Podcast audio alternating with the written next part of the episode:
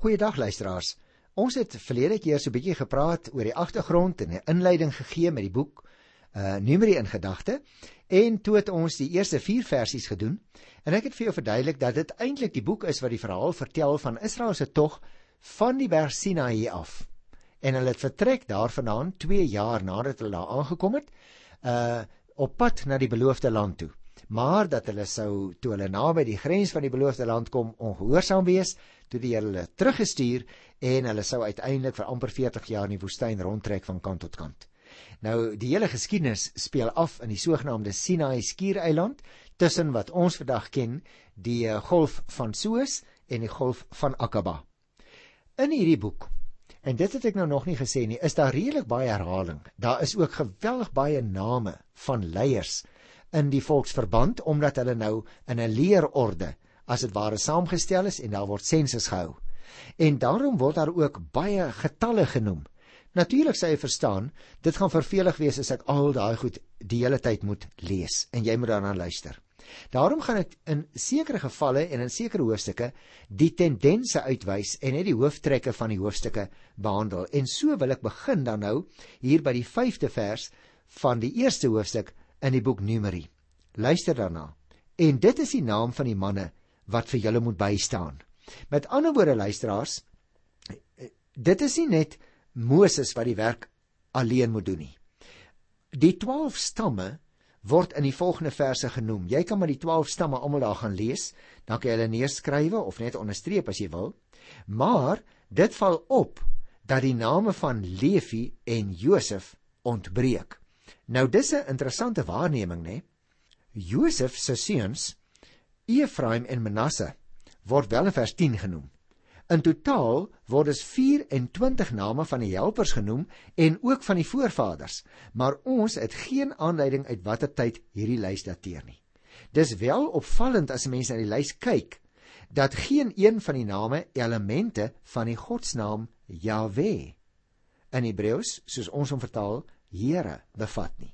Dis baie interessant dat dit nie hier staan nie, maar dat naamelemente soos Sir of Ami en dan iets daarna elke keer 3 keer voorkom.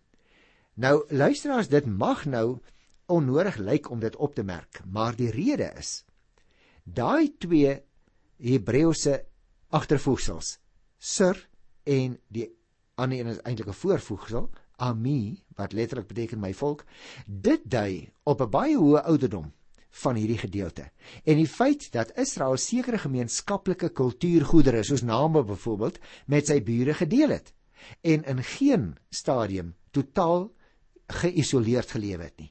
Jy en ek moet nooit dink dat die Israeliete 'n volksentiteit was wat as dit ware deur 'n leë wêreld getrek het nie. Dit het nie so gewerk nie. Hulle gaan sou jy sê nog sien. Hulle gaan met baie verskillende bevolkingsgroepe te make kry. Hulle sal ook teen verskillende stamme en volke moet optrek. So ons moet net hier by die wortel die gedagte afsny dat dit relatief maklik was. Daar was baie ander mense in die wêreld en hierdie mense moes as dit ware vir hulle nis gaan uitkap daar in die beloofde land wat die Here vir hulle uh, deur die profete en uh, deur die aardsvaders voorspel het en beloof het. In vers 16 moet ons miskien net 'n oombliekie kyk want daar staan 'n interessante ding. Hulle was die manne, dis nou na die name genoem is. Hulle was die manne wat uit die vergaderings aangewys is, leiers van die stamme van hulle voorvaders en stamhoofde van Israel. Met ander woorde, dit is vir ons van belang om te weet dat nie net Moses en Aaron die werk moet doen nie. Maar hulle kies dadelik op bevel van die Here die leiers uit die verskillende stamme van Israel. Kom ons lees by vers 17 tot 19. Moses en Aaron het hierdie manne wie se name genoem is, laat kom. Op die eerste dag van die tweede maand het hulle toe die hele volk bymekaar geroep.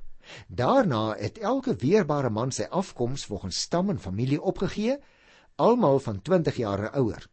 Moses het hulle in die Sinaï woestyn getel soos die Here hom beveel het. Jy merk op luisteraar, die uitvoering van die telling het skynbaar bestaan uit 'n kontrole van die telling wat tevore gehou is en waarvan ons gelees het in Eksodus 38 vers 26 en toe het ek so 'n bietjie daaroor gepraat en dit kon gevolglik moontlik in 'n dag afgehandel word.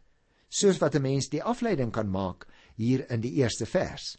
Maar as jy nou so klein bietjie verder kyk hier van die 20ste vers af uh, tot daar by vers 43, dan kry jy dan die name uh en ook van die stamme en ook die verskillende syfers wat daar genoem word.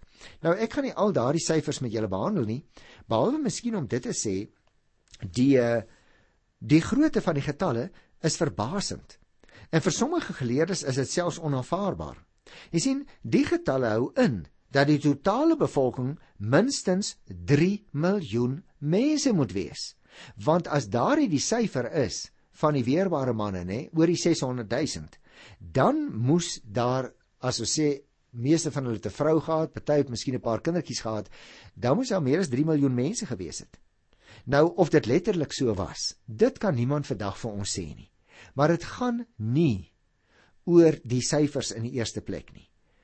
Dit benadruk eintlik vir ons dat die belofte aan die aardsvaders oor 'n talryke nageslag nou vervul is. En dit dui dus daarop dat God op 'n besondere manier vir sy volk gesorg het. Juda, tussen hakies, sal jy opmerk, het die grootste aantal manne van 20 jaar en ouer, naamlik 74600. Nou as ek so 'n stukkie oorslaan en ons kyk hierso by vers 47 tot by vers 49, dan word uh, eerstens daar die groot getal presies genoem as jy daardie syfer optel 603550, maar dan staan daar iets interessant in vers 47. Die leviete is nie as afsonderlike stam bygetel nie. Die Here het naamlik vir Moses gesê, die stam Levi moet jy nie tel nie en hulle getal moet jy nie by die van die Israeliete voeg nie. Nou is die vraag natuurlik hoekom nie. Jy sien ten opsigte van die Lewiete was daar hierdie uitsondering wat die sensus tref. Maar hoekom? Hulle was nie dienspligtig nie. Ons gaan dit nog leer in Hosea 2 by vers 33. En hulle word dus nie as 'n selfstandige stam beskou nie. Anders sou daar 13 stamme wees. Die rede is dus dat hulle geestelike werkers was. Hulle word dus nie getel vir die oorlog nie. En hulle het ook nie direk in die oorlog uitgetrek nie. Hulle het 'n bepaalde rol gehad vir die versorging van die tabernakel. Dit het ons geleer in die boek Levitikus. Nou beteken dit natuurlik nie dat die sensus hulle hoe genaamd nie geraak het nie, want in Hosea 3 en 4 word wel getel. Maar vir die militêre oogmerk van hierdie sensus kom hulle nie in aanmerking nie. Dis 'n baie interessante ding dat die Here dit so vroeg in die geskiedenis al op hierdie manier gereël het. Die 50ste vers sê: "Jy moet die leviete aanstel om toesig te hou oor die tabernakel met die getuienis." Ek het dit nou net vir jou vertel. Oor al sy gereedskap en al sy toebehore. Hulle moet die tabernakel en sy gereedskap dra en hulle moet daarmee werk. En hulle moet ook hulle tente rondom die tabernakel opslaan. Dis 'n interessante gegewe, nê? Want onthou die tabernakel is die teenwoordigheid of die simbool van die uh, teenwoordigheid van die Here. En daarom moet hierdie geestelikes nou in 'n sekere sin uh daardie teen, teenwoordigheid van die Here versinne beeld. Dit staan sentraal in die hele uh volksleer as jy dit so wil noem en dit herinner natuurlik aan beide die teenwoordigheid by die afstand en die teenwoordigheid van die Here sal jy nog onthou. Die Here is immers met en onder die Israeliete en tog ook verhewe en afgesonder. En die mense dan wat eenkant gesit is, wat afgesonder is vir dienswerk aan hom, hulle hoef nie uit te getrek het in die oorlog nie. Daar staan 'n interessante opmerking vers 51. As die tabernakel verskuif moet word, moet die leviete dit uitmekaar haal. En as dit opgeslaan moet word, moet hulle dit opslaan. Maar luister nou. 'n Onbevoegde persoon wat nader kom om te help, moet doodgemaak word. nou, wie is die vraag, wie is nou eintlik 'n onbevoegde? Jy sal onthou ons het dit ook teëgekom in die boek Levitikus. Dit was 'n Nilefiet. En 'n Nilefiet mag nie priesterlike diens by die tabernakel verrig het nie. Dit was uitsluitlik die Lewiete se taak om die heiligdom te verskuif uh, en dit natuurlik ook te versorg. Luister na vers 52. Die ander stamme van Israel moet hulle tente opslaan, elke man op sy eie staanplek rondom sy eie vaandel, ingedeel by sy eie leerafdeling. Nou daar was natuurlik 4 le leerafdelings en elkeen bestaan uit 3 stamme. Maar nou lees ons 'n interessante ding. Die vaandel. Nou wat sou dit wees? Ek wil amper vir jou sê luisteraar, soos uh veral vir die van julle wat nou 'n uh, rugby liefhebbers is, soos die Haka kreet, amper vergeet ek dit, soos die Haka kreet nê van uh, die All Blacks wat eintlik hulle kenteken is. So blyk dit dan nou dat uh hierdie stamme elkeen 'n bepaalde kenteken gehad het. Ons weet nie presies wat dit was nie, wat hier beskryf word as 'n vaandel.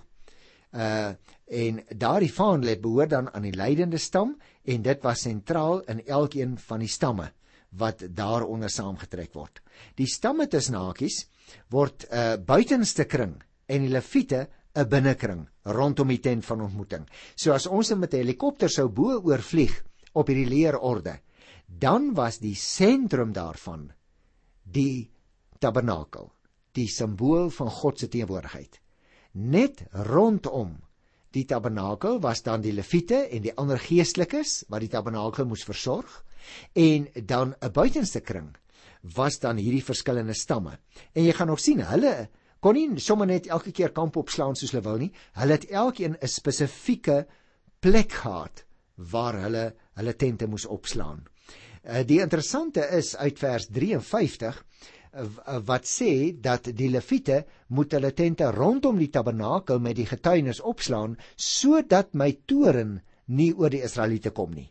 So jy sien, die Here het vereis die leviete moes die beskermende taak ten opsigte van die tabernakel uitvoer. Ehm uh, en die Israeliete kan dan nie deur die Here getref word deur sy toren nie. Ek wil in Hosea 1 nog net vers 54 miskien onderstreep waar daar staan: Die Israeliete het alles presies gedoen soos die Here vir Moses beveel het. Jy sien, 'n luisteraar hier in die slotformule word onderstreep dat die Israeliete alles presies gedoen het net soos die Here vir Moses beveel het. Die woorde van die Here roep op slot van sake altyd om antwoorde. Antwoorde van gehoorsaamheid deur mense. En daarom uh wil die skrywer hierdie uh opmerking nie uitlaat uit die dokument wat hy voor hom gehad het nie om juis vir ons te laat verstaan die Israeliete moes presies en hulle het ook presies gedoen soos wat die Here van hulle verwag het. En dit bring ons dan by die tweede hoofstuk. Hy's ook nie baie lank nie. Ek gaan hom afhandel in hierdie program wat net uit 34 versies bestaan. En uh miskien moet ek eers na sekere uh van die verse kyk en dan kan ons uh, so 'n bietjie in breë verband daaroor gesels. Die eerste 2 verse, die Here het met Moses en Aaron gepraat en gesê die Israeliete moet kamp opslaan, elkeen by sy vaandel, nou goed, dit weet ons nou al, by sy familieteken. Hulle moet die kamp rondom die tent van ontmoeting opslaan, so entjie daarvandaan. Nou ons het daaroor ook gesels, maar interessant. Anders as by Hosea 1 vers 1 word die naam van Aaron nou bygevoeg. Aanvanklik het ons net gelees van Moses. En ook 'n ander interessante ding wat na vore kom, die kamp moet op 'n afstand van die tent van ontmoeting afstaan. Ehm um, dit geld egter nie vir die leviete nie, want hulle het naby die tent van ontmoeting hulle tente opgeslaan, sal jy nog onthou. Die spesifieke posisie van elke afsonderlike stam of familie word uit uiteindelik uh, in detail beskryf, maar ons gaan daarby kom. Die indruk is dus nie dat die indelings op militêre grondslag gemaak is nie, maar eerder op godsdienstige of sosiale gronde. Hulle was dus in werklikheid nie in die eerste plek 'n leer nie, maar hulle was 'n gemeenskap van gelowiges wat op 'n bepaalde manier saamgetrek het. En die feit juis dat die kamp rondom die tent van ontmoeting opgestel word, wil die boodskap dat die Here by, ja, in die middel van sy volk is, aan ons deurgee. Vers 3 en 4. Aan die ooste, nou nou gaan jy sien hoe slaan die spesifieke stamme spesifiek elke keer wanneer hulle 'n nuwe kamp opslaan en 'n nuwe plek bereik, slaan hulle presies op dieselfde plek op. Luister by vers 3. Aan die ooste, son op se kant, moet die stam Juda opslaan. Hy moet dit doen by sy vaandel en ingedeel word uh, volgens sy leerafdelings. En ek het al vir jou gesê, hulle was die meeste 54600. Die eerste afdeling dus luisteraars, naamlik Juda se kampplek word waarskynlik eerste genoem vanweë Juda se belangrikheid. Want onthou, Juda was van vroeg af belangrik in die geskiedenis. Dit sou later ook so wees. Onthou, Dawid is ook gebore uit die stam van uh Juda. Laasgenoemde word dus beklemtoon deur die ooste, met ander woorde die belangrikheid word beklemtoon deur die ooste son op sy kant. En luister nou vers 5 tot 7. Die stam Isaskar moet langs Juda kamp opslaan. Nou dis interessant want die stamme Isaskar en Sebulon wat in vers 7 genoem word, val natuurlik saam onder die vaandel van Juda. Die gedagte mag dus nie posvat dat Juda se posisie die belangrikste in die hele opset was nie. Die belangrikste plek is ingeneem deur die Here self wat gesimboliseer is deur die tent van samekoms in die middel van die kamp. Kyk na vers 8 en 9. Die getal van sy weerbare manne is 57400. Die hele kamp onder leiding van Juda ingedeel in leerafdelings en daar word 'n syfer genoem. Hierdie let nou op, hierdie 3 stamme moet altyd eerste versit. Die eerste leerafdeling se 3 stamme het dus in totaal die meeste hoeveelheid weerbare manne gehad, naamlik 186400 en hulle moet altyd eerste versit. Sohoewel hulle nie in die Here se oë belangriker was as die ander mense nie, het die stam van Juda uh wat dan nou bestaan het uit 3 verskillende stamme, altyd eerste versit. Hulle moes die pas aangee. Hulle het dus 'n wat ek sou noem 'n leidende rol gespeel tydens hierdie tog. Luister na die 16de vers. Die hele kamp onder leiding van Ruben, ingedeel in leerafdelings, is altesaam 151 mense. Maar nou kom ons interessant by vers 17. Die kamp van die Lewiete. Onthou nou luisteraars, hulle is die geestelikes. Die kamp van die Lewiete, maar die tent van ontmoeting moet altyd in die middel van die ander kampe bly wanneer hulle trek in dieselfde orde waarin die kamp opslaan, moet hulle ook opbreek, elkeen op sy eie plek en by sy eie vaandel. En dit is 'n belangrike opmerking want onthou daar lê 40 jaar vir hulle voor. So ons moet net hiervan 'n bietjie kennis neem. Die heiligdom word weer die tent van ontmoeting genoem. Dis asof die Here wil hê hulle moenie vergeet nie. By die tent ontmoet ek hulle op 'n besondere manier.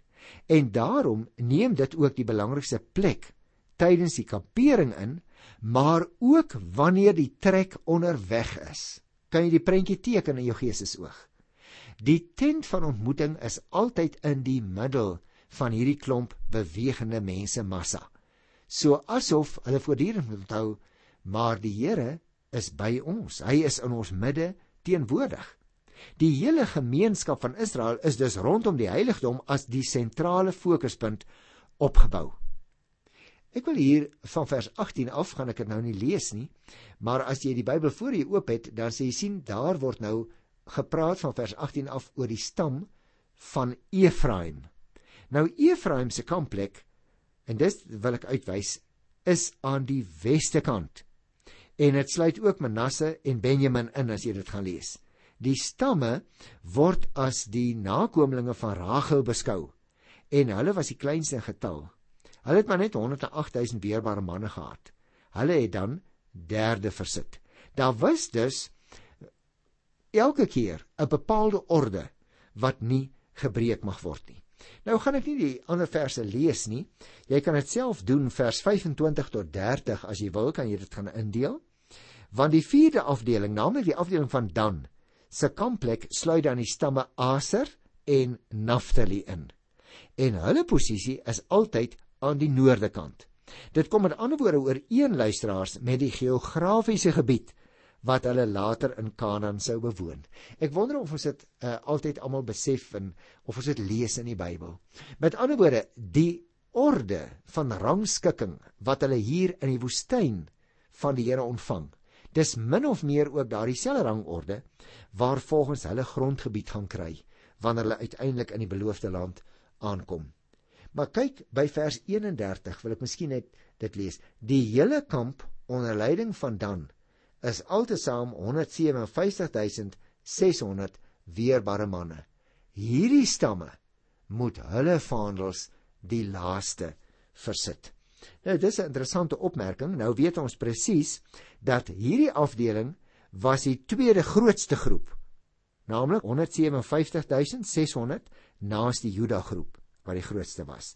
En moontlik was dit waarom hulle die laaste versit het, sodat die voorhoede en die agterhoede tydens die trek die beste gedek sou wees. Met ander woorde, as 'n vyande sou kom van voor af, dan was die grootste groep, die stam van Juda, daar om die res uh te beskerm en as dit ware as buffer te dien. As die vyand van agter sou kom, dan was hierdie uh mense onder leiding van die stam van Dan, die ouens wat nou weer die grootste en die sterkste groep was. Maar altyd was dit so dat hulle hierdie opdragte stiptelik moes nakom. Ek lees weer vers 34 want ons het ook 'n soortgelyke uh, afsluiting gekry aan die einde van die eerste hoofstuk. Die Israeliete het presies gedoen soos die Here vir Moses beveel het. Hulle het kamp opgeslaan, elkeen by sy eie vaandel en elke keer weggetrek, elke stam ingedeel volgens sy familiegroepe.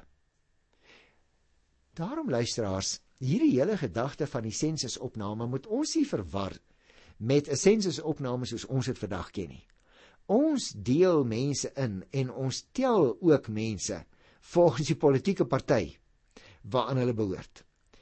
Ons moet altyd onthou Israel was 'n teokrasie. Met ander woorde God was die hoof van hierdie volk. En daarom is alles wat hulle gedoen het gekleur met 'n godsdienstige lyn daardeur. En daarom moes hulle eers luister na die Here. Hy sê vir hulle hoe hulle moet optrek. Hy sê hulle moet kamp opslaan en hierdie vaste orde wat die Here vir hulle gee, sou uiteindelik die patroon word reg deur die 40 jaar tot binne in die beloofde land uiteindelik. 'n Mens kan dit verstaan. Want jy kan net dink as daar soveel duisende, honderde duisende mense besig is om te beweeg, watter absolute chaotiese toestand daaruit sou ontstaan. So dis wonderlik dat die Here vir hulle ook sê hoe hulle hulle kamporde moet rangskik. Luisteraars, ons moet onthou, hierdie mense kom uit Egipte land. Hulle het nog nooit eie regte gehad nie. Hulle het nog nooit eie politieke partye gehad wat onder hulle ontstaan het en wat hulle kon rangskik nie. Al wat vir hulle oorgebly het na 400 jaar van ballingskap daar in Egipte land was hulle familiebande. En daarom was die familiebande vir hulle so verskriklik belangrik. En die Here honoreer dit. Hy sê vir hulle kom by mekaar in groepe. Kom as gesinne by mekaar, uiteindelik as families, uiteindelik as stamme. En so wil ek dan met julle uh werk op pad. En daarom hierdie sensusopname uh was nie iets wat ons kan vergelyk met ons huidige opset en wat ons ook ken vandag nie. Wanneer Israel van Sinai af verder trek, word hulle lyk dit nou vir ons soos 'n leermag opgestel. Maar die belangrike het ons nou raak gelees in hierdie eerste twee hoofstukke. In die middel is die Here as dit ware persoonlik teenwoordig in sy heiligdom. En rondom daardie heiligdom beweeg die priesters en die leviete, die geestelikes. Hulle tree namens die volk in by God. Hulle dien die Here met die offers wat hy voorgeskryf het. En die volk self kom dan eers in hulle verskillende stamme rangskikkings in die buitenste linie rondom. Die volk self doen die werk wat die Here hulle opdra en hulle leef met eerbied en reinheid in sy heilige teenwoordigheid. En dit, dink ek, is 'n model vir die kerk se werk in die wêreld. Voor God en saam met God deur die wêreld. Ander indelings, politiek, opleiding, sosiale vlak, dit behoort nie te tel in die gemeenskap van die gelowiges nie. En op daardie geestelike trant luisteraars, sluit ons dan vandag hier aan die einde van die eerste 2 hoofstukke van Numeri uh wat die verhaal vertel deur die woestyn. Tot volgende keer groet ek jou in die naam van die wonderlike wonderlike Here. Tot dan. Totsiens.